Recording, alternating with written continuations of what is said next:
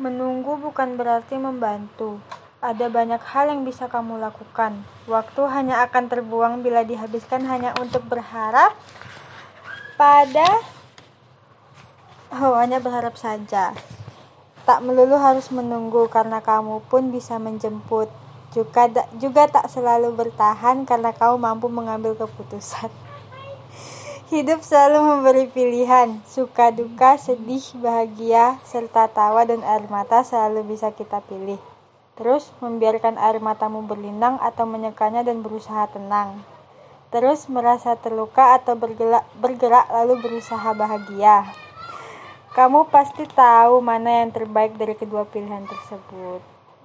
Hidup ada di tanganmu. Tuhan benar, Tuhan benar mengatur, tetapi kamu tetap harus berusaha melakukan perubahan. benar sekali. ya begitulah.